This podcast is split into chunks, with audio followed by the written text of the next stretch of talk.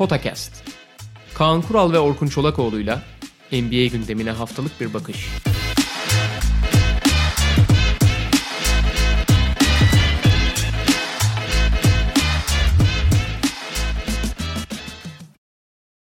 Potakest'e hoş geldiniz. Kaan Kural'la birlikte Los Angeles Lakers şampiyonluk özel programında karşınızdayız. E, geride kalan final serisi.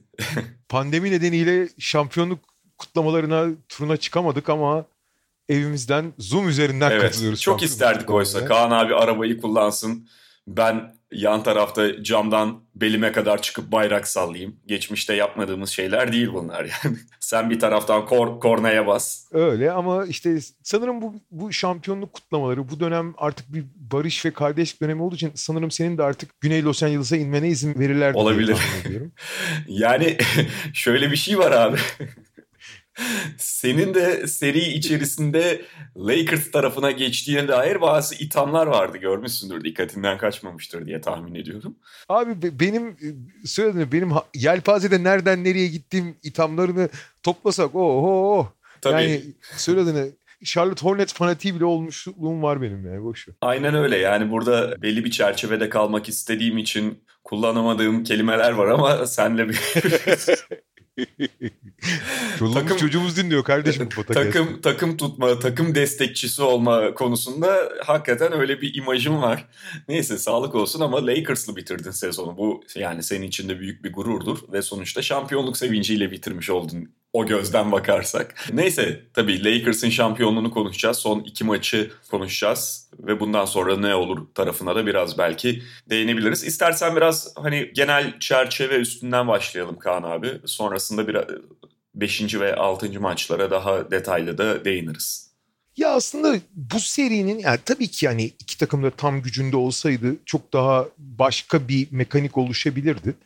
Ama sonuçta sahaya çıkanlar oynar ve Bence final serisi görece biraz sönüktü diğer finallerle kıyasla. Çünkü birinci ve sonuncu maçı Lakers çok net ezerek aldı yani. yani ortadaki üç maç evet çok ilginçti, çok farklıydı ama sanki e, hep bir küçük kardeşin büyük kardeşi büyük kardeşle baş etme mücadelesi gibiydi. Bu hem işte Miami'de yaşanan sakatlıkların ve doğal olarak bir e, potansiyel düşüşün etkisi bir de fizik olarak çok üstün olduğu için Lakers hani hakikaten yani işte e, büyük kardeş küçük kardeş veya 52 kilo güreşçisiyle 62 kilo güreşçisinin mücadelesi gibi oldu. Yani hani bir taraftan e, Miami bir şeyler yapıyor. Bence çok onur yani şartlar düşündüğü zaman gerçekten çok güzel mücadele verdiler. Zaten masalsı bir sezondu Miami için.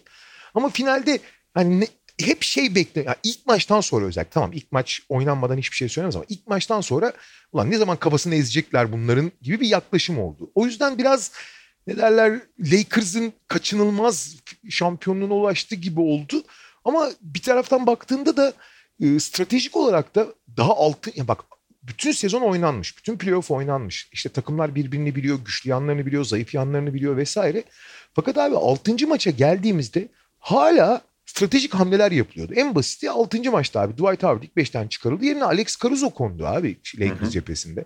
Ya bu çok acayip bir şey abi. Çünkü, çünkü Dwight Howard dediğin adam 2000'lerin başından kalmış klasik pivot tanımına uyan hani oyundaki etkisi ve etkisizliği yani zaafları ve artıları çok çok kutuplaştırıcı, çok net belli olan bir adam. Caruso bir, teknik olarak bir numara abi. Yani anlatabiliyor muyum? Yani böyle dramatik bir değişikliği bundan 10 sene önce basketbolda bahsetsen yok babayın kemiği dersin yani serinin 6. maçına gelmişsin. O kadar maç oynamış. 5 numarayı çıkarıp 1 numara koyuyorsun ekstra bir tane. Yani evet. hani ki bu geldiğin nokta da çok önemli. Ve hani seride maç maç gidersen her maç bir stratejik hamle oldu. Şimdi biz en son iki maçı konuşmamıştık. En son üç, e, konuştuğumuzda 3 girdi değil mi? Evet öyle olması lazım. Ee, tabii tabii 3-1'di 3-1'di. Yani şeyden bahsettik hatta e, Butler'dan 40 yedikten sonra e, Lakers 3. maçta neyi değiştirdi ve 4. maçta sınırladı. Anthony Davis'i nasıl aktif alana aldı savunmada onu detaylandırmıştık. İşte mesela 5. maçta da bu sefer Eric Spoelstra çok önemli bir hamle yaptı. Butler'ın oynadığı ikili oyunları yani o Anthony Davis'in onu savunup işte alttan geçerek aktif alanda kalarak yaptığı savunmasını perdeleri tamamen Anthony Davis'in devrilme açılarına getirdi. Yani normalde perdeyi ne yaparsın? Oyuncunun hareketleneceği bölgeye yaparsın değil mi? Evet. Tam tersine Anthony yani toplu oyuncunun değil Anthony Davis'in hareketleneceği bölgeye perde yapınca yani Jimmy Butler'ı hiç savunma açısından kurtarmaya çalışmayan Ama Anthony Davis'in hareket etmesini zorlaştıran perdeleri yapınca Butler çok rahat hareket etme imkanı buldu. Savunmacısıyla çünkü çok rahat mücadele edebiliyor. Ve yani inanılmaz. Yani bir kere 5. maç bu şeyin hani finalin açık ara zirve maçıydı. Belki de bu playoff'ta bu arada önceki turlarda gerçekten müthiş maçlar izledik. Yani işte Utah Denver serisi olsun, Toronto Boston serisinde ne maçlar vardı. Boston Miami'nin ilk maçı falan filan. Ama finalin gerçekten böyle vay anasını delirten maçı 5. maçtı. Çünkü hı hı. maçın başından sonuna inanılmaz bir Jimmy Butler LeBron düellosu. İkisi de yani hiç e, LeBron için hani belki çok şaşırtıcı olmayabilir ama LeBron'un o kar, o kariyeri için bile zirve maçlardan biriydi. En iyi 5 maçından 10 maçından kaçıncı sıraya koyarsın bilmiyorum. Onlardan biriydi.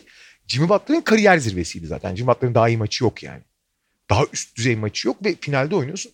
Yetme yetmezmiş gibi bu düello maçın sonunda maçın kader anlarında da bire bire dönüştü tamamen. Abi son 5 maç yani son 4 dörder topta üçer kere basket buldular abi yani. Foul'leri de basket olarak sayıyorum. İşte sonra son topta LeBron yine daha önce de defalarca olduğu gibi işte üst düzey oyuncuların hep maç sonu kahraman olması bekleniyor ya. Ama LeBron oralarda e, hiç bu seviyeye kariyer olarak gelmeden bile pası vermeyi, doğru pası vermeyi biliyordu. Yine pası verdi. Pas doğruydu ama çok net gitmedi. Onun belki hani çok ufak bir farkı olabilir. Biraz da belki bence pasla ilgili hiç sorun yok bu arada. Pas çok doğru hareket yani. Hani basketbolun doğrusu odur yani. Bence tartışılmaz bile bu konu abi. Evet. Çok ufak bir ya, şey söyle. Tartışanlar var. Çok Pardon, ufak. Son, şunu, şunu bitireyim. Tabii abi. Ha, söyle söyle abi sen söyle. Ee, bununla ilgili diye abi esas olan e, yani ironik olan daha doğrusu LeBron orada önce kendi atışını arıyordu ve son ana kadar atışı aradığı için pası da Danny Green'in hafif aşağısına ayağına doğru atabildi. Ve şey abi yani eğer orada eleştirilecek yani sonuçta ele, ya işte Jordan olsa, Durant olsa, Zart olsa, Zurt olsa atar diyor. Ya kardeşim atarsa atar. LeBron da atar yani. İşin ilginç yanı abi Nikola Jokic hariç o tip son atışlarda gerçekten çok yüksek yüzdeyle oynayan üst düzey oyuncu yok abi son 10 yıldır falan. Hani hep bahsedilir etti Jordan, Kobe, Moby. Attıkları hatırlanır ama kaçırdıkları şu hatırlanmaz zaten o tip pozisyonlarda. Neyse. LeBron orada çok en doğrusunu yaptı. Basketbolun hem matematiksel olarak hem basketbol şeması olarak hani iki tane küçük nokta var mükemmeli bozan. Bir LeBron kendi atışını fazla aradığı için biraz fazla geri aşağıya indi. Evet. Yani potanın biraz fazla altında kaldı. Yani böyle bir adım yukarıda kalsa çok daha rahat edecekti. Hı-hı. Pası vermek açısından söylüyorum. Ama 3 kişiyi üzerine çekmişti. Mesela şey çok önemli. Danny Green atışı buldu. Evet çok pası mükemmel alamadı. Bomboş şutu buldu. Zamanı da vardı. Rahat rahat da attı abi. Kaçırabilir. Olabilir. Ne olacak yani? Pota dibinden kendi zorlasan da kaçırırsın. Fadeaway atsan da kaçırırsın. Bunlar şey. Esas LeBron'un doğru yaptığı şuradan yani ne kadar doğru yaptığı şuradan belli. Danny Green şutu kaçırdığında Miami'nin rebound alacak pozisyonu yoktu abi. Üç kişi birden LeBron'un üzerinde kaldığı için. Evet. Top resmen şey oldu. Ortaya düştü havuza. Abi havuzda kimse yok ki. Yani o topu Lakers'da kalma ihtimali yüzde seksen falandı yani o reboundda. LeBron üç kişi üzerine çektiği için. Nitekim maalesef gidebileceği en doğru olmayan ellerden birine gitti ve Markif Morris'e geldi. Çok ciddi süresi vardı ama işte maç sonu panik eli ayağına dolandı ne yapacağım ne edeceğim derken hani yapabileceği en kötü şeyi yaptı. Orada o pozisyonun şeyi var resmi var böyle 3-4 kişi boşta hatta Lebron da boşta. Lebron'a bile verebilir. O nedense böyle çok zor bir lob pas atmaya çalıştı içeriye. Top bahçeye gitti. Miami de kazandı. Ee, ama yani hani maçın sonu orada da bitirdi. Bitmesi de çok önemli değil. Mükemmel bir maç oldu bir kere. LeBron'la e, Butler'ın düellosu inanılmazdı. Yine çok zor şartlarda Miami acayip bir karakter sergiledi. Ama 6. maça geldiğimizde net şey oldu abi. Yani Lakers işte bu stratejik değişikliği tekrar yapıp bir hamle daha yaptı. Bu maçlara kadar hamleleri konuştuk zaten. Kimin ne hamle yaptığından falan. Fakat bu son hamle bir Davis'i sürekli çember yani kaleci pozisyonunda çok iyi tutup Jimmy Butler savunmasını da bu sefer Jimmy Butler'ı savunmaktan vazgeçip ulan bak 6. maça gelmişsin hala stratejik yapıyorsun. Jimmy Butler'ın aktif alanını savunmaya başladılar. Yani neredeyse bir bireysel alan savunması gibi. Jimmy Butler'ın gitmek istediği yerlere baskı getirdiler. Jimmy Butler şeyi çok seviyor ya. Sağ dipi, sağ köşeyi falan. Yani. Hı hı. Abi topuna hiç baskı yapmadan, bu arada topa baskı yapmamak modern basketbolda çok ciddi risk. Yani çok ciddi risk. Buna rağmen Jimmy Butler'ın hareket etmesine izin verip Jimmy Butler'ın gitmek istediği yerde baskı getirdiler. Bütün arkaya giden topları Davis topladı ki abi Davis'in e, yine 6. maçtaki savunma performansı inanılmazdı. Lakers kısalmasına rağmen Dwight Howard, Caruso'ya kısalmasına rağmen yine de fiziksel. Şimdi uzun olmak başka bir şey, fiziksel olmak başka bir şey abi. Çok fiziksel olup yani döve döve savunma yaptı. Hücumda da abi ısrarla potaya gitti. ısrarla potaya gitti. Lebron falan vura kıra vura kıra vura kıra içeri girdi. O yetmedi diğer bütün oyuncular da. Rajon Rondo bile abi. Rajon Rondo'nun pas vermesine çok alıştığın için 2-3 tane turnikeye girdi. Gafil avladı oralardan gitti. İlk yarı bittiğinde Lakers'ın 34 boyalı alan sayısı vardı. Miami'nin toplam 36 sayısı yani Miami koca devrede 36 sayıda kaldı. ee, Lakers 34 boyalı alan sayısı attı. Bir de orada yapılan foulleri falan da katarsan sadece boyalı alan üstünlüğü Miami'nin tüm skorundan fazlaydı yani. Zaten yani ilk yarı Hat, hatta son, maçın genelinde son Lakers... Son şey daha söyleyeyim. Tabii abi. Bitireyim. Lakers felaket üçlük atmasaydı ilk yarıda ilk yarı 25 zaman bitecekti yani.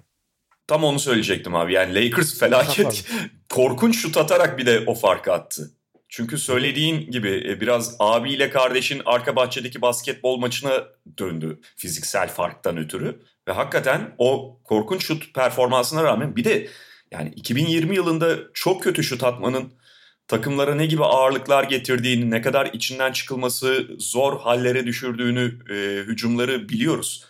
Ama hissetmedi ki bunu Lakers. Öylesine bir fiziksel fark söz konusuydu. Ve tabii o fiziksel farkı yani sahaya dökebilmek, dikte edebilmek de önemli. Her maçta neticede bunu yapamadı Lakers. Sen işte bu abi kardeşten bahsettin. Yani ilk maçtan itibaren geçerli olan bir şeydi zaten seride. Ve şu var abi hatırlıyorsan önceki podcast'in sonunda galiba e, şunu söylemişti yani Miami'nin zaten bu aşamada ortaya sürebileceği ekstra bir oyuncu yok. Finallerinde 4 maçını geride bıraktık artık sezonun sonuna gelmiş durumdayız. Hani ne yapabilir? Çok basit gözüküyor ama daha iyi şut atması gerekiyor Miami'nin demiştim. Yanlış hatırlamıyorum değil mi? Ee, tabii tabii. Ve nitekim 5. maçta aslında biraz bu oldu. Şuttan kastımız da sadece üçlük değil bu arada. Yani Duncan Robinson çok iyi üçlük attı. Jimmy Butler da o 35 sayılık performansı gösterirken belki o 3 sayı çizgisinin gerisinden atmıyor. Hatta zaten Lakers'ın ona karşı drop savunması yapması da biraz bununla bağlantılı bir durum. O e, önceki podcast'te daha detaylı işlemiştik merak edenler ve dinlememiş olanlar zaten o bölümleri dinleyebilirler. Ama Jimmy Butler da orta mesafeyi çok attı 35 sayıya ulaşırken ya da önceki maça göre daha fazla orta mesafe aradı, buldu. Ve buna yönelik biraz daha açıları da ayarlamıştı Miami savunması. İşte biraz daha aşağıda perde getiriyorlar. Direkt onu orta mesafeye, orta mesafeyi bulacak pozisyona getirdiler. Lakers buna kontrayı maç içerisinde tam geliştiremedi. Anthony Davis'in bence sakatlanması da maçta etkili oldu derken o orta mesafeleri bulmayı başarmıştı ve 3 sayı performansını Miami'nin biraz destekledi. Şimdi 6. maça geldiğimizde zaten işte o fizikselliğe e, fiziksellikle direkt yanıt veremeyeceği için Miami Heat bu şut performansını göstermek zorunda. 6. maçta bir daha onu elinden aldı e, şey Lakers savunması. Yeni ayarlamalarda senin de bahsettiğin gibi. Bu defa orta mesafesini de Jim Butler'ı çok iyi kontrol ettiler. Söylediğin gibi Anthony Davis biraz daha aşağıda kaleci oldu ama Butler'ın başında bekleyen biri vardı. Yani topa baskı yapmasa da o şutu direkt vermediler. E ondan Hiç sonra da zaten daha az Duncan Robinson'ın şutunu ya da diğer oyuncuların şutunu kaçırdılar. Daha az onlara şut pozisyonu verdiler. Ve zaten maçın başında öyle bir yumruk indirdikten sonra Miami'nin de psikolojisi biraz bozulmuş oldu. Ki doğru, doğru. devrede zaten maç bitmişti. Ondan sonrası da zaten ikinci yarı pek maç gibi olmadı açıkçası. Pek maç gibi olmadı. Şey ha bu arada 5. maçla ilgili çok küçük bir not daha ekleyeyim. Ee, bir ek, sonuçta ne olursa olsun Miami'nin kaynakları çok azaldığı için öyle ya da böyle bir ek kaynak olmadan da finish çizgisini geçemezlerdi. Ve bu sefer kendiliklerinden o ekstra kaynağı buldular abi. Evet. Yani bir sürü başka zaafı olsa da o atıcı ele ihtiyaçları vardı ve o atıcı el verimli oynadığı zaman ki kendinden gayet verimli oynadı o maçı. O son hamleyi yani işte yemeğe lezzet katan o tu şeyi baharatı getirdi kendinden ve işte burun farkıyla da olsa kazandı. Ya maçlarla ilgili söyleyeceğim başka bir şey yoksa ben takımlarla ilgili genel biraz şey yapayım, konuşmak istiyorum. Tabii abi buyur. Ya maçlarla ilgili var söyleyeceğim bir yo, şey yo, var Yok hayır. Ee, yani ben de zaten hani biraz daha genel çerçeve iki takımın sezonunu e, ve Lakers'ın şampiyonluk yolunu nasıl başlattığını falan onları konuşuruz diye düşünüyorum. Aynen. Ya e, önce Miami'den başlayalım abi. Abi seri bittikten sonra Eric Spoelstra'yı gördün değil mi? E, basın toplantısında. Hı hı. Yani, yani hiç Eric Spoelstra tepkisi değil bir kere. Hani ağlayabilir Alakası bir insan pekala ama pek Eric Spoelstra'dan beklemezsin o reaksiyonu. Abi şöyle e, izlemeyenler ne olur internetten baksın izlesin de çok kişi görmüştür zaten podcast dinleyen de. Abi böyle bir 30 saniye falan hakim olamıyor. Hakim olmaya çalışıyor. iki damla yaş fırlıyor. Siliyor tekrar yaş fırlıyor falan.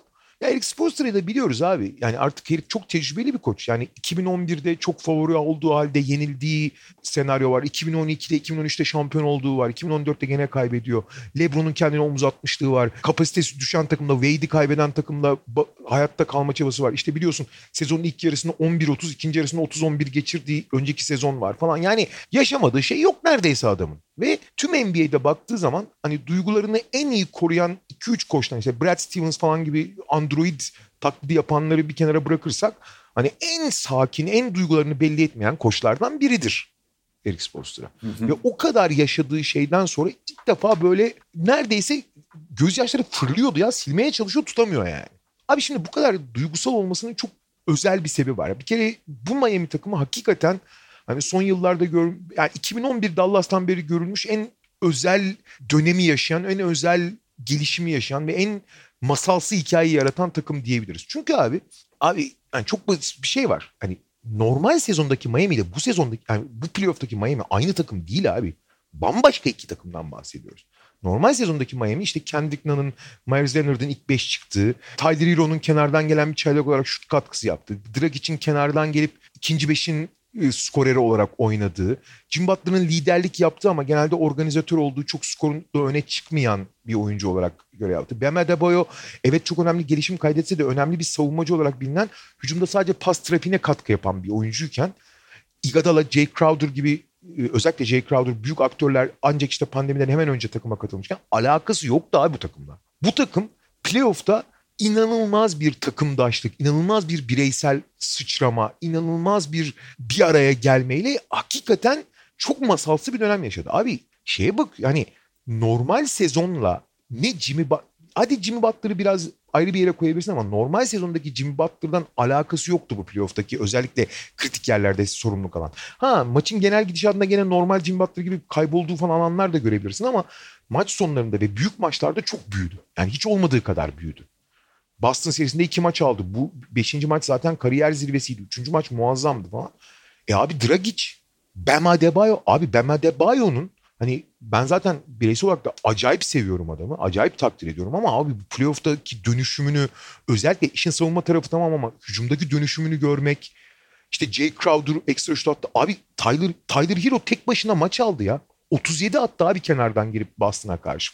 Ama işte belki de Spoelstra'yı bu kadar duygulandıran finalde o yani şey gibi biraz Cinderella gibi saatin 12'yi çalması çok rahatsız etmiş olabilir. Çünkü Tyler Hero biraz bal kabağına dönüştü abi. Yani ilk evet. turlarda özellikle Boston serisinde izlediğimiz Tyler Hero ile final serisinde izlediğimiz Tyler Hero'nun alakası yoktu yani. Bunun çok anlaşılabilir sebebi var. Adam 20 yaşında abi. Yani hani geçmiş olsun.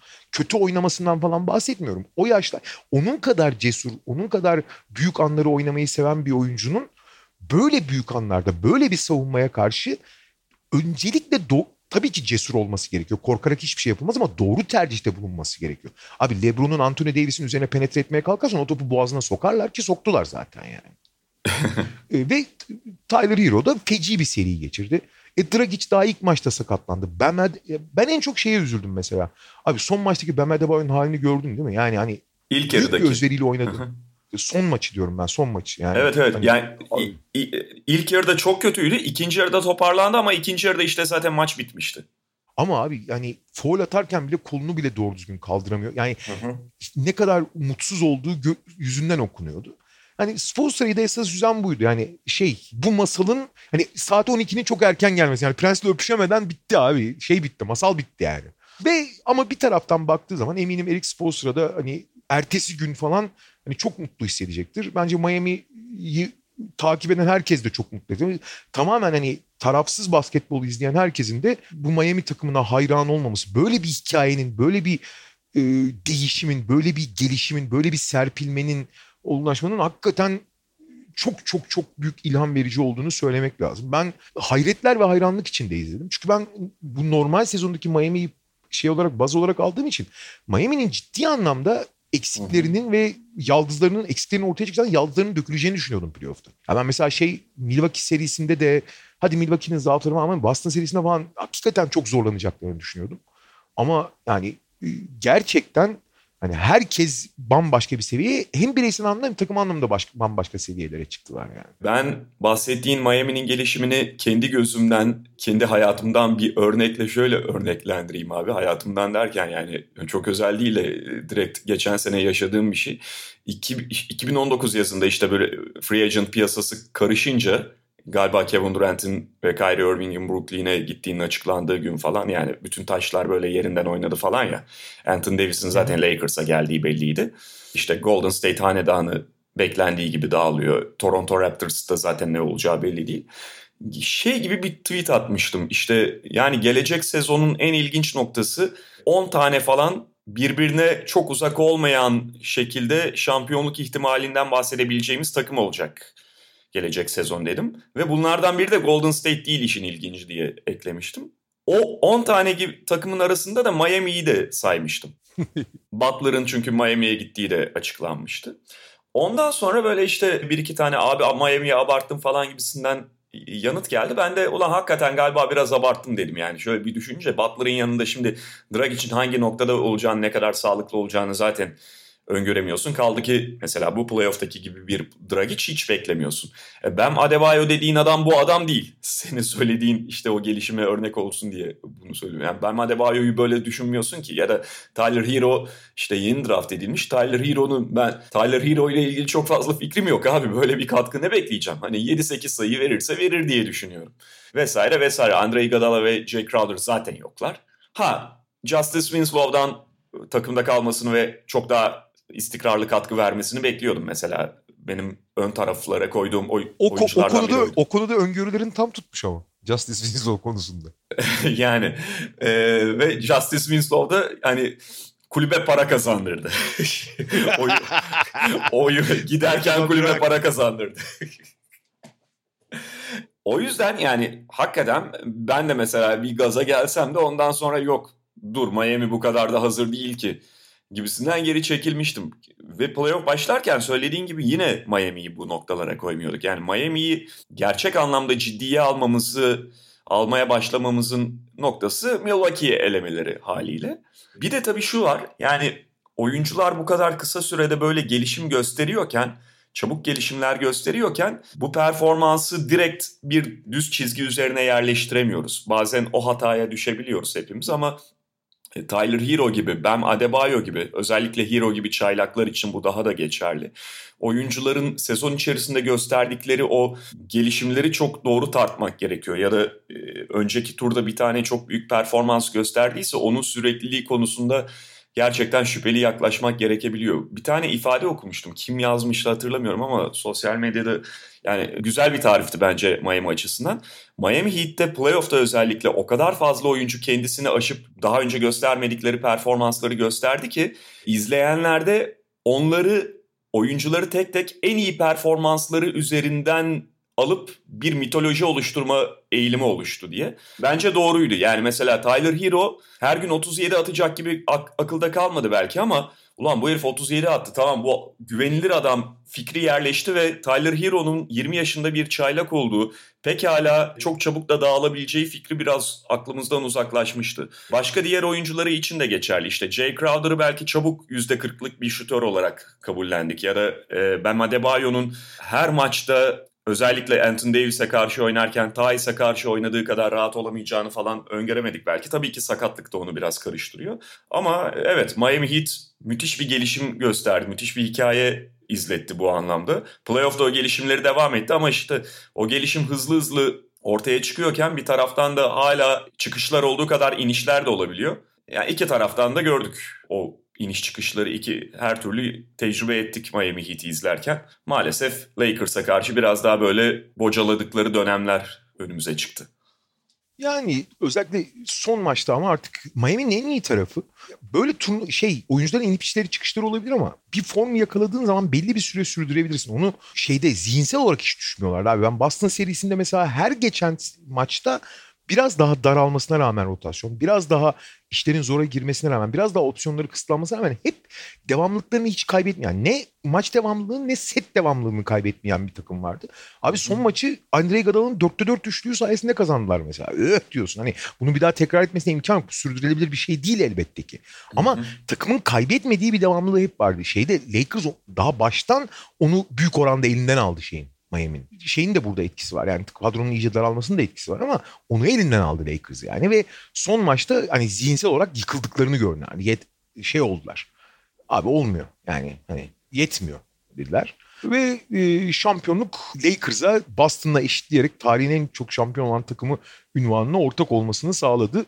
Ve Lakers için de LeBron için özellikle LeBron için kişisel olarak ve Lakers için de hani yeni bir altın sayfa oldu bu şampiyonluk. Evet yani 10 yıldır şampiyon olamamasından ziyade tabii Lakers için esas Lakers gözünden bakarsak can acıtıcı olan 2013'ten beri playoff yapamıyor olmasıydı Lakers'ın ve hani playoff yapamamak var yapamamak var. Mesela Indiana Pacers önceki yıllardaki Indiana Pacers gibi de playoff yapamayabilirsin ama e, yakınında olursun. Lakers uzun süre bir de süründü. Sadece Golden State galibiyetleriyle avunuyordu abi bir ara. evet. İşte sürekli şey yapıyordu yani sonuçta mesela o 2013'ten sonraki döneme bakarsak 7 yıla ilk 2-3 senesi zaten hani Kobe Bryant'ın devam ettiği şeyler. Tek tesellisi Lakers taraftarının hala Kobe Bryant'ı izliyor olmak durumunda ki hani Kobe Bryant'ın da zaten sakatlıktan sonra bir daha asla eski Kobe olamadığını iyi hatırlıyoruz. E, ondan sonraki dönemde sürekli olarak genç oyuncular geliyor üst sıra lotarya haklarıyla seçilen oyuncular geliyor ve her birine bel bağlıyor Lakers camiası işte böyle ha oldu ha bu olacak ha D'Angelo Russell James Harden olacakmış yok Lonzo Ball şöyleymiş bilmem ne. O konuda da böyle belli ölçüde hayal kırıklıkları yaşıyordu ve bir türlü de şampiyonluk için zaten değil ama playoff için bile yarışmacı olmaya pek yaklaşamadığını görmüştük Lakers. Ve bu sene başında da aslında işte LeBron nihayet Anthony Davis takası yapıldıktan sonra LeBron hani geçen seneki sakatlığı da atlattı. Hani çok büyük hedeflerle giriyordu ama sezon başı da belki de bütün NBA coğrafyasının değiştiği işte bir sürü oyuncunun yer değiştirip senin söylediğin gibi dengelerin değiştiği bir yerde Lakers aslında biraz geride kalmış gibiydi. Bu özellikle Kawhi Leonard'ı beklerken hı hı. E, Kawhi Leonard'ın karar vermesini piyasada kendi kadrolarına daha uygun yani LeBron Davis çatısına ya da ana kolonuna daha uygun parçaların hepsini elinden kaçırmış gibiydi Lakers ve yani piyasada kalanlarla başkalarının istemediği e, çerçöple bir derme çatma ben ona hep prefabrik diyorum. Yani temeli atamadılar Kawhi Leonard bekledikleri için prefabrik bir yapı kurmaya çalıştılar. Görece bence hiç fena işte çıkarmamışlar hani sonunda gördüğümüzde ama abi bakıyorsun hani şimdi şu şeyde şampiyonlukta rol alan oyunculara bakıyorsun. Davis, LeBron ekseninin dışındaki. Şimdi Kentavius Caldwell zaten kadrodaydı. Çok da iyi bir playoff geçirdi. Dördüncü maçta da çok iyi oynamıştı falan. Hani zaten iyi bir playoff geçirdi. Eyvallah o dursun. Danny Green'i aldılar. Danny Green hani görece işte sabit şutör olarak iyi tamamlıyor falan filan deniyordu. Fena da iş yapmadı. İyi profesyoneldir. Şut performansı inişli çıkışlıdır bir süredir zaten. Eyvallah o da işini yaptı ama hani şey. Abi Markif Morris tam şeyin sonunda abi sen de gel kadroya adam lazım diye geliyor. Rajon Rondo kimsenin istemediği son 5 yıldır sıfır çaba sıfır şutla oynayan bir adam. Hı hı. Abi savunmada çaba yok, hücumda şut yok. E ne var abi? E işte kimse istemiyor alıyorsun. Dwight Howard tamamen kanser bir iyiden iyi bir kanser karaktere dönüşmüş. Oyunu tamamen demode olmuş. Hiçbir takım minimum kontratla bile kadrosunu almıyor. Nitekim Lakers da almayacaktı. DeMarcus Cousins oynayamayacağı belli olduğu için abi adam yok bir tane uzun lazım deyip Dwight Howard'ı kadroya aldı. Keza Ceval McGee falan da öyle. E hatta yani Dwight Howard'ı Dwight Howard'ı almadan önce böyle workout'a falan çıkardılar ve özel görüşmeleri oldu. E, yani özel görüşmede ne konuşuldu tam bilmiyoruz ama muhtemelen adam gibi oynayacak mısın lan falan diye sormuşlardır. İşte J.R. Smith, Dion Waiters bunların hepsi zıp çıktılar. Önde gideni yani. Hani ne bekleyeceğini asla bilmiyorsun. Kaç zamandır Dion Waiters zaten sezon içinde Miami'deydi bu arada ilginç bir şekilde. Yani dünya, gelmiş etmiş en komik iki skandala imza atmış adam. İşte birinde biliyorsun uçakta uyuşturucu kullandığı için krize giriyor. Uçak er, e, acil iniş yapmak zorunda kalıyor. Sonra idmana hastayım diye gelmiyor. Instagram'dan yatta parti fotoğrafları falan var. Dünyanın en zıplısı.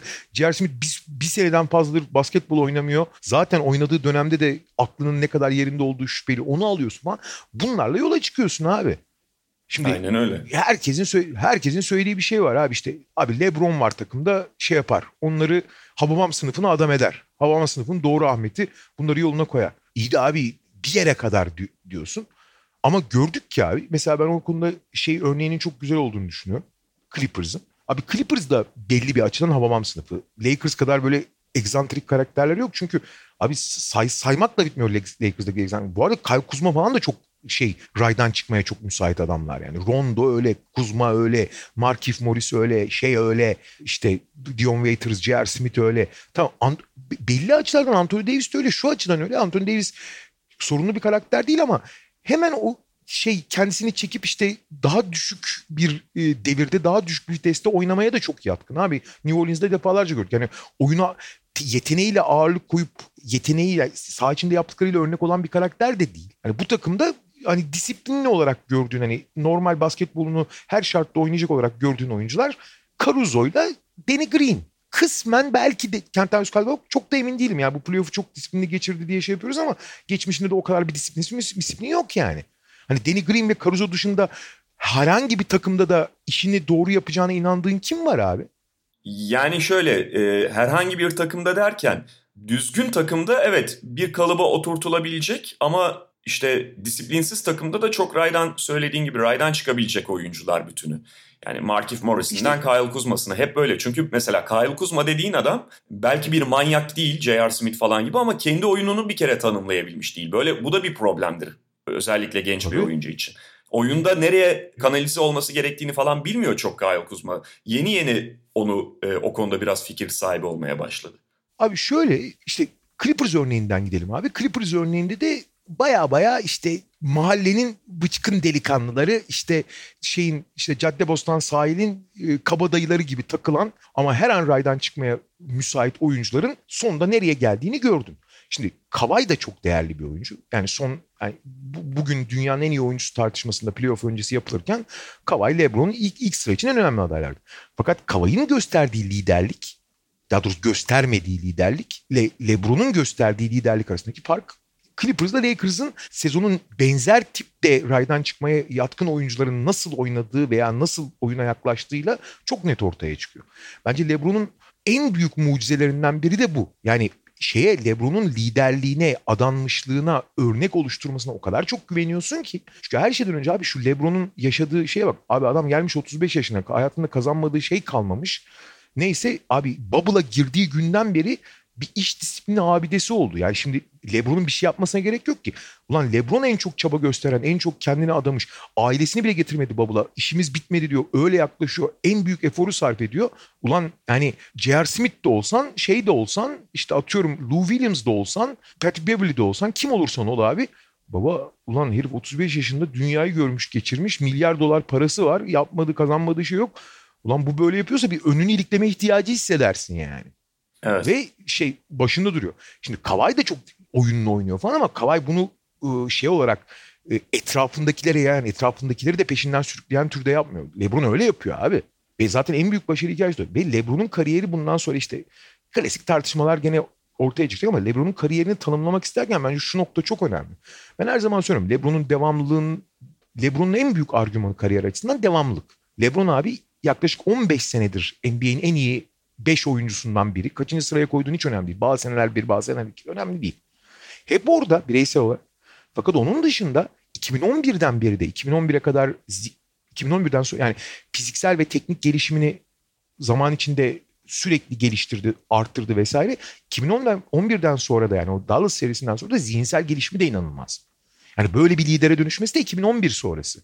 Nasıl Michael Jordan kıyaslamaları yapıyor Michael Jordan'ın da 91'de ilk şampiyonluktan sonraki değişimi ki ondan önce oyunuyla da oyuna yaklaşımıyla da değişim var. LeBron'unki de 2011'dir kırılma noktası yani. Hı. Ve abi son 10 yıldır bakıyorsun bana herifin olmadığı final yok. Ve hiçbir zaman abi basit hamlelerle düşüremiyorsun adamı. Yani ancak ve ancak çok büyük bir eforla ve çok büyük bir çabayla yıkabiliyorsun. Bu şey gibi Amerikan futbolunda top taşıyıcılar var ya iki, bir kişi e, tackle yapıyor düşmüyor. iki kişinin falan gelmesi gerekiyor. Hı hı. Abi ilk turda elenmiş, kariyerinde ilk turda elenmişliği yok. Son 10 yılda işte geçen seneki sakatlığa kadar final finalden önce kimse durduramıyor abi adamı. Hani tesadüf eseri favori olduğu bir seride ya da kapa kapaya olduğu bir seride Rakipler indiremiyor yani Lebron'u. Lebron sana şey diyor. Abi beni alırsan etrafıma biraz mantıklı bir kadro kurarsan ben seni bir yere kadar getiriyorum. Orası kesin diyor. Ve getiriyordu abi defalarca. Yıllarca getirdi yani. Bir o. İkincisi abi bak Lebron'un başarılı olduğu organizasyonları kabaca düşünelim. Miami'de süper takım değil mi? İşte Bosch, Wade geliyor, parça ekleniyor, süper takım kuruluyor. Ha uyumları özellikle Wade ile kendi arasında uyumları detaylarına girmeyeceğim. Ne oluyor? Başarı kazanılıyor. 4 sene final 2 şampiyonu. Oradan Cleveland'a dönüyor abi. Cleveland yani Miami en azından iyi bir organizasyon, güçlü bir organizasyon, çok üst düzey oyuncular. Bunlarla başarı kazanılıyor. Bunlarla başarı kazanmak kolay diyebilirsin ki onun da kendine göre zorlukları var ayrı konu. Cleveland'a geliyorsun abi. Boktan bir organizasyon. Yıllardır öyle. Doğru yapılanma yok. Gerçi Griffin döneminde biraz toparladılar oraları falan ama kesinlikle başarı geleneği olmayan bir organizasyon. Tersine Cleveland lanetli şehir ilan ediliyor biliyorsun. Bütün sporlarda favori olduğu zaman yeniliyor falan. Asla bu, bu şehre şampiyonluk gelmeyecek deniyor. O takıma da bir başarı hikayesi yaşıyorsun. 4 sene falan oynuyorsun. Bir tane şampiyonluk kazanıyorsun. Ne abi? İyi organizasyon. Süper takım Miami. E, kötü organizasyon. E, genç birikinli ve oraya geliyorsun lider görünüyorsun. Sonra abi NBA tarihinin en büyük takımına geliyorsun. En görkemli, en pırıltılı takımına, Hollywood'un takımına geliyorsun. Ama senin söylediğin gibi 2013'ten beri play, e, playoff görmemiş, çok zorlanan genç çocukların olduğu falan bir takıma geliyorsun. İlk sene işte şey yapıyorsun hani bir yere kadar geliyorsun. Dördüncü sıradaydı sakatlandığı sırasında. Olmuyor. Ertesi sene bir prepablik yapı kuruyorsun. Tekrar oraya geliyorsun abi. Tekrar orayı da yukarı çıkıyorsun. Yani üç farklı yapıyı, üç farklı organizasyonu, üç farklı şekilde şekillenmiş takımı hep en yukarıya götürüyorsun abi. Bu, bu çok acayip bir şey ya. Hakikaten çok acayip. Bir. ikincisi abi Miami'de mesela ilk gittiğinde Miami'ye Wade'le işte hani e, liderlik rolünü Wade vermek istememişti ya bir süre. Abi orada onu kabul etti. Sonra liderliği aldığı ayrı konu. Cleveland da mutlak lider ve işte oynadığı rol belli.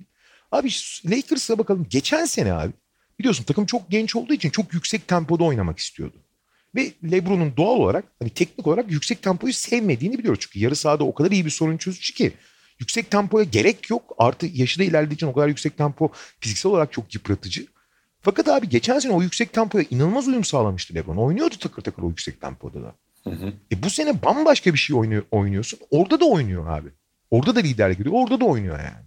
Ya evet abi söylediğin konu çok önemli. Bir de şimdi tabii LeBron'la alakalı olarak en fazla söylenen şeylerden biri işte e, tamam şampiyonlukları kazandı ama hep bir süper takıma gitti, hep bir hazıra kondu şeklinde bir eleştiri mi diyelim, yergi var. Fakat şu taraftan da düşünmek gerekiyor. Yani evet Miami Heat'e 2010'da katıldı, yanına Chris Bosh'u getirip Dwayne Wade'e katıldılar.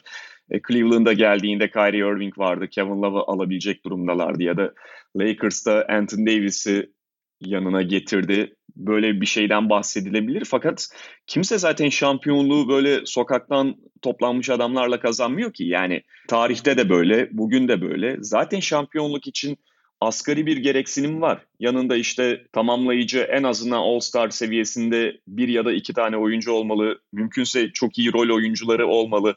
Şimdi LeBron'a konu geldiğinde hani yok Kyrie Irving'in yanındaydı, yok işte Chris Bosh'la Dwayne Wade'in yanına gitti. Burada Anthony Davis'i getirdi şeklinde bir karşı tezir etmek çok şey e, mantıklı olmuyor.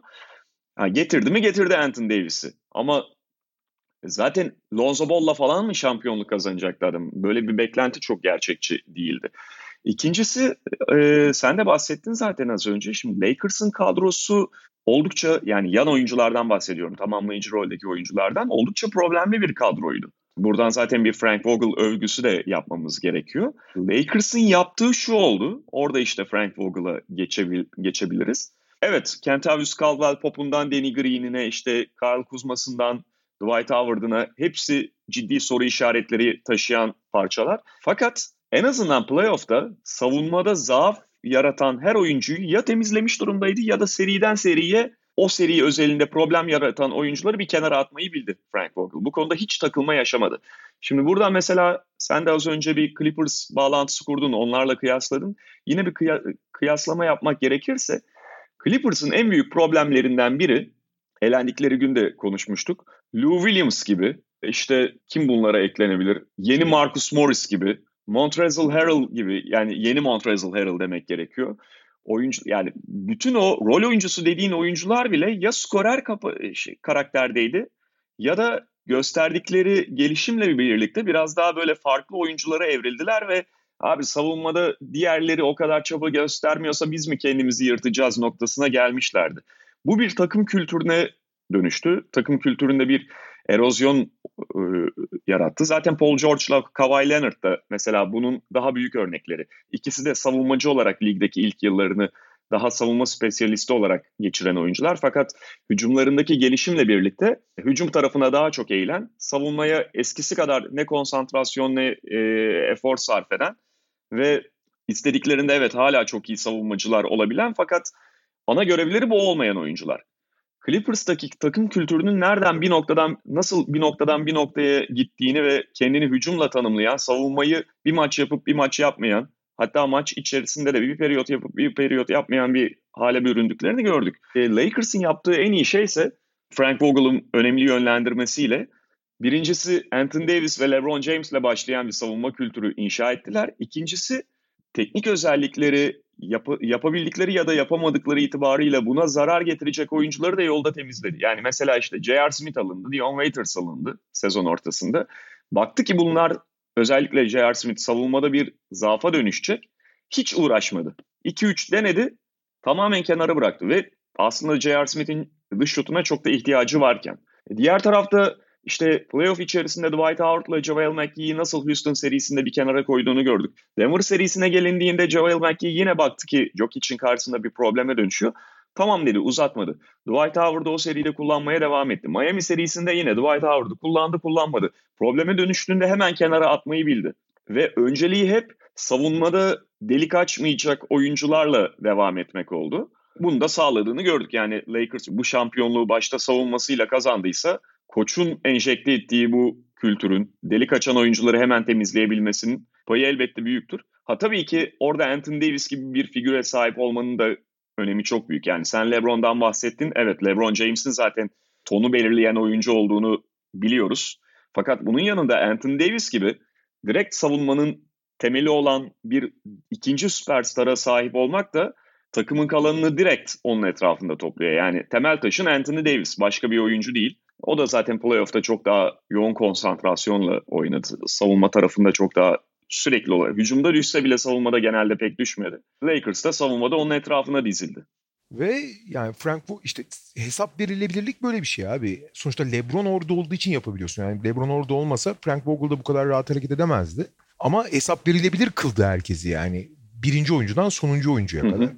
Ee, ama zaten e, bu takım kurulduğu anda yani bu prefabrik takımın sırtını dayayacağı bir ana şey plan ya da ana ne derler gösterge ya da ana temel oyun temeli savunma olacaktı zaten. Başın ilk günden itibaren öyle. Çünkü bu takımın özellikle diğer oyuncularının yani LeBron ve ki Davis de dahi buna. Davis de topla çok üretebilen bir oyuncu değil. Başkalarının ürettiklerini çok iyi bitirebiliyor veya çok büyük silahları var ama topla üretmek başka bir şey. Ve açıkçası hani Rondo'nun bu playoff'taki e, değişimi ve e, çok acayip bir seviyede e, belki de prime dönemindeki kadar konsantre oynaması yararlı olsa da LeBron dışında toplu oynayabilecek oyuncusunun olmaması çok büyük handikap Lakers'ın.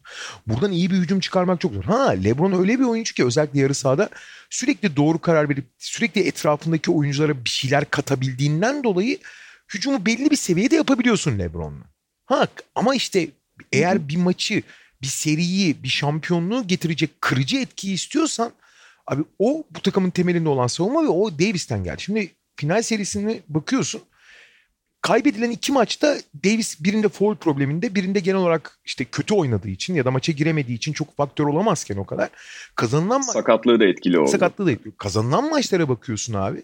Kazanılan maçlarda şimdi LeBron'un katkısını ve şeyini hiç yaban atmıyoruz. Ama maçın kırıcı etkisi yani galibiyeti belirleyen ana faktör, ana ibreyi değiştiren faktör savunmada Davis'in yaptıkları oluyordu. Dört maç yani ilk maçı hadi çok saymayalım.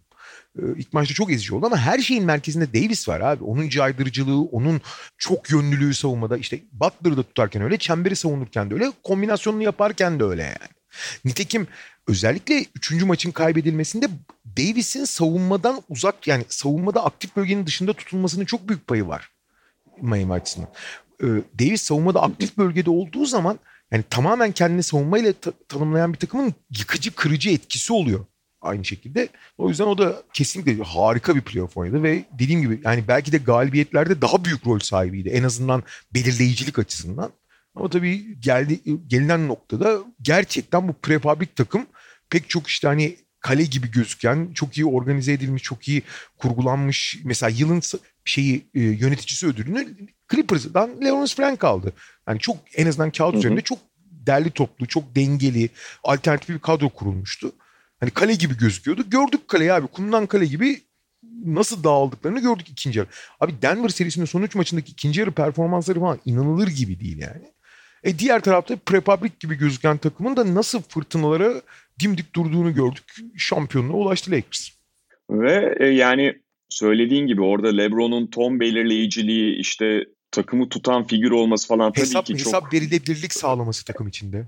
Aynen hesap verilebilirlik sağlaması çok değerli olsa da yine hani senin prefabrik olarak ifade ettiğin bir takım söz konusuysa burada tabii koçun katkısını da yatsımamak gerekiyor. Yani LeBron James ve Anthony Davis gibi iki figür varken insanlar koçu göz ardı etmeye işte eğilimli olabiliyor. Bunu gördük. Daha önceki örneklerde de gördük. Yani önceki takımlarda mesela Eric Spoelstra da öyle saygıyı Miami takımlarında kolay kazanmadı. Çünkü hep şampiyon olacaksa bir başarı kazanacaksa Miami Heat, Dwayne Wade, LeBron James, Chris Bosh'a sahip olduğu için kazanacak gibi algılanıyordu zaten. Cleveland'da ya da David Blatt'in başına geleni gördük mesela.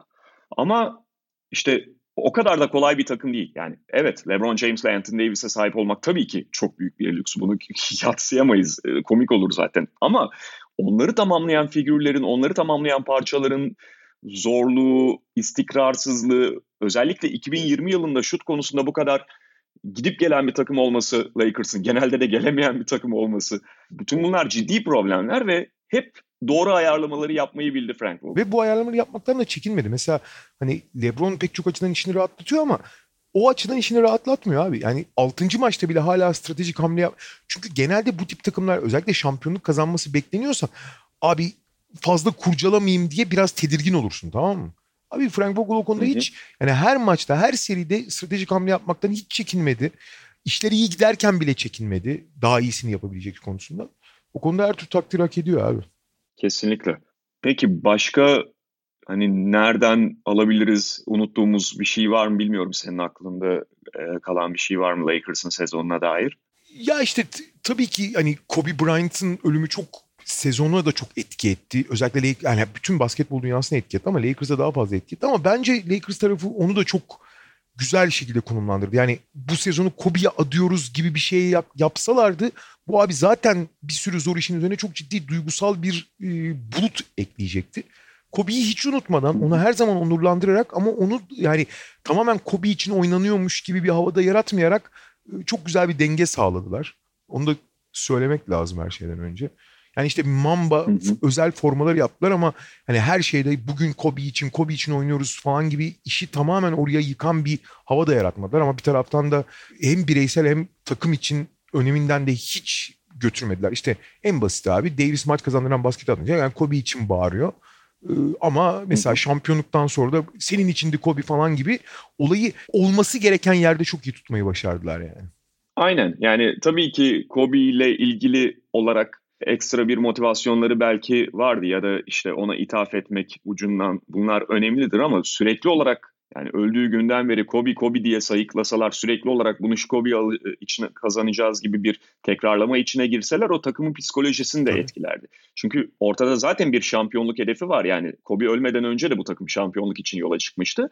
Ve yani çoğu oyuncunun kariyerinde ilk şampiyonluk. E, LeBron'un e, kariyerinde ilk şampiyonluk değil belki ama en değerli şampiyonluklardan bir tanesi tekrar kendini ispat etmesi gerekiyor. Zaten hani onun hedefinin, onun kovaladığı şeyin ne olduğunu biliyoruz. Her şampiyonluğu değerli ve yeni bir takıma gelmiş. Burada da zirveye çıkmak istiyor. Ayrı bir motivasyona zaten ihtiyacı yok. Yani her şeyi Kobe üzerine kurmuş olsaydı bu e, anlatıyı Kobe üzerine tamamen yıkmış olsaydı Lakers gerçekten kendini özünde motive eden şeyi belki de kaybederdi. Ya da dışarıya sonuçta bu mesajı vermek de çok göze sokmak da doğru değil. Bence de söylediğin gibi iyi dengelediler onu. Son olarak tekrar LeBron'a dönersek abi. Jim Butler final serisinden önce röportajda şey dedi abi. Ben lige girdiğimden beri değişmeyen bir şey var. Bir şey başarmak istiyorsan LeBron'un LeBron'dan sıyrılman, LeBron'un üzerinden geçmen ya da LeBron'dan geçmen. You have to go through LeBron dedi. Abi böyle bir başarı sabiti olmak da çok acayip bir şey ya. Yani hakikaten devamlılığı en iyi tanımlayan öge herhalde yani. Ee, şey gibi bu bilgisayar oyununda bir, başka aşamaya geçmek için hep yani resmen şey end boss ya end boss. Yani öyle ya da böyle gerçekten sen az önce söyledin 15 yıldır ligin en iyi oyuncusu tartışmasında sürekli adı geçen bir oyuncudan bahsediyoruz. Evet bazen olmuyordu. Ee, yani her 15 yılın her birinde en iyi oyuncu LeBron'du kimse diyemez. Ama sürekli olarak 15 yıl ya yani şöyle bir gözümüzü kapatıp düşünelim 15 yıldan bahsediyoruz ve bir sporcu ömründen bahsediyoruz. 15 yıl boyunca sürekli o noktada kalmak inanılmaz bir devamlık, inanılmaz bir şey. Yani geçen gün işte ilk final oynadığı sezondan fotoğraf görmüştüm. Her şey farklı gibi yani böyle iPod falan takmış belinin kenarında onu Tom Haberstroh galiba e, paylaşmıştı bambaşka bir moda anlayışı, bambaşka bir e, teknoloji noktasında insanlık e, veya işte LeBron'un James'in kafasında bir sürü saç var bugüne göre. O zamanlar telgrafla haberleşiliyordu. yani, yani şey bir de hani tabii oyunun yani 2011 bence zihinsel gelişme kırılması ama oyununa da neler kattıklarını abi şey 5. E, maçta 8'de 6 üçlük attı biliyoruz değil mi? Yani hani farkındayız bunu yani ve hı hı. bir süredir tamam hiçbir zaman nokta şütör olarak üst düzey bir şütör diyemezsin ama bir süredir orta yani e, kötü şütör değil asla. Bir süredir bayağı bir süredir kötü şütör değil. Kariyerinin ilk yarısında NBA'nin en iyi oyuncusu tartışmalarına girdiği dönemde bile hiç olmayan sırt ya, pota altı sırt dönük oyunu posta oyunu şu anda NBA'nin en elit 2-3 tanesinden biri falan. Hani oralar falan çok acayip. Yani hiçbir zaman çalışmaya ve gelişmeye durdurmadı yani. Evet ben de son olarak bununla bağlantılı bir şey ekleyeyim abi. Üst üste John Hollinger ve Zach Love'un yazılarını okumuştum. Özellikle Zach Love'un dün yazdığı yazıyı herkese tavsiye ederim. Müthiş detaylı bir yazı ve orada bir taraf tutmuyor. Sadece bir çerçeve çizmiş kendisi de ifade ettiği gibi. LeBron, Michael Jordan kıyaslamaları ile ilgili bir çerçeve çizme yazısı. Herkese tavsiye ederim. Çok detaylı. Çoğu Love yazısı gibi. Hem Hollinger'ın hem Love'ın yazılarında galiba bunu görmüştüm. Şu önemli. Michael Jordan'ın döneminde mesela Hollinger galiba direkt bunu söylüyordu. Jordan'la ilgili en etkileyici şey Michael Jordan'ın uzunların dominant olduğu bir dönemde bir dış oyuncu olarak ligi domine etmesi. İşte mesela o dönemde Michael Jordan'ın zirve yıllarında Michael Jordan'dan sonraki en iyi ikinci perimetre oyuncusu kim diye sorduğunda uzun süre düşünüyorsun. Buna net bir cevap yok çünkü. Ya da verdiğinde o cevabı işte Clyde Drexler mı dersin? Mesela iki senelik periyotlarla belki o cevabı verebiliyorsun. İki senedik bir değişiyor ve arada da ciddi bir boşluk var. Ama uzunlar çok daha dominant. Jordan dışındaki diğer çoğu starın gerçek anlamda dominant oyuncunun uzunlar arasından geldiğini gö- e, görüyoruz. Burada LeBron döneminde de şöyle bir farklılık var. LeBron perimetre oyuncularının zaten dış oyuncuların lige hakim olmaya başladığı bir dönemde bir diğer dış oyuncu olarak işte dominasyonunu sağlıyor ve bu bakımdan Jordan'a bir hane yazılabilir diyordu Joel Hollinger. Fakat şunu da unutmamak gerekiyor abi. LeBron James aslında gelinen noktada tam bir perimetre oyuncusu da değil. Yani evet lige girdiği noktadan bugüne çok değişti, e, oyununu geliştirdi senin söylediğin gibi. Fakat şu anda adama net bir dış oyuncu da diyemiyorsun. Pota altı mı, dış oyuncu mu, beş mi, zaman zaman beş oynuyor, neyi yapıyor, her şeyi yapıyor. LeBron James'in kuvveti ve kudreti de buradan geliyor zaten biraz. Aynen öyle. Yani direkt olarak zaten Michael Jordan'la ya da başka bir dış oyuncuyla kıyaslamak bu bakımdan kolay değil. Bunu artı ya da eksi anlamında söylemiyorum. LeBron James farklı bir oyuncu. Onun öne çıkan özelliği de hem dış oyuncu hem iç oyuncu, e, pot altı oyuncusu olabilmesi. İşte hem iki numarayı hem işte dört numarayı neyse beş numarayı gerektiğinde bir numarayı hepsini birlikte oynayabilmesi. Bu da bambaşka bir özellik ve 15 yıllık bir periyotta yani 15 yılda basketbolun ne kadar değişmiş olduğunu da gözden kaçırmayalım. Kendini adapte etmeyi başarabildi sonuçta bu oyuncu. Bu konuda da hakkını vermek gerekiyor. Aynen öyle. Şey, onunla ilgili en iyi şey tanım geçmiş oyuncularla kıyaslayacaksan Magic Johnson'la Charles Barkley'nin kırması abi işte. Evet. Peki o zaman bitiriyoruz. Bu sezonu da bitiriyoruz. Sezonu da aynı zamanda bitiriyoruz. Şimdi tabii yeni sezona dair ufak bir belirsizlik var ama genelde konuşulan Ocak ayı içerisinde hatta Martin Luther King günü hedeflenerek NBA'in başlangıç planlamalarını yaptığı yönünde. Tabii ki içinde bulunduğumuz koşullardan ötürü bir kesinlikle söz konusu değil. Şimdilik bir nokta koyuyoruz sezonla birlikte. Hepinize çok teşekkür ediyoruz bir kez daha ve hoşçakalın diyoruz. Hoşçakalın.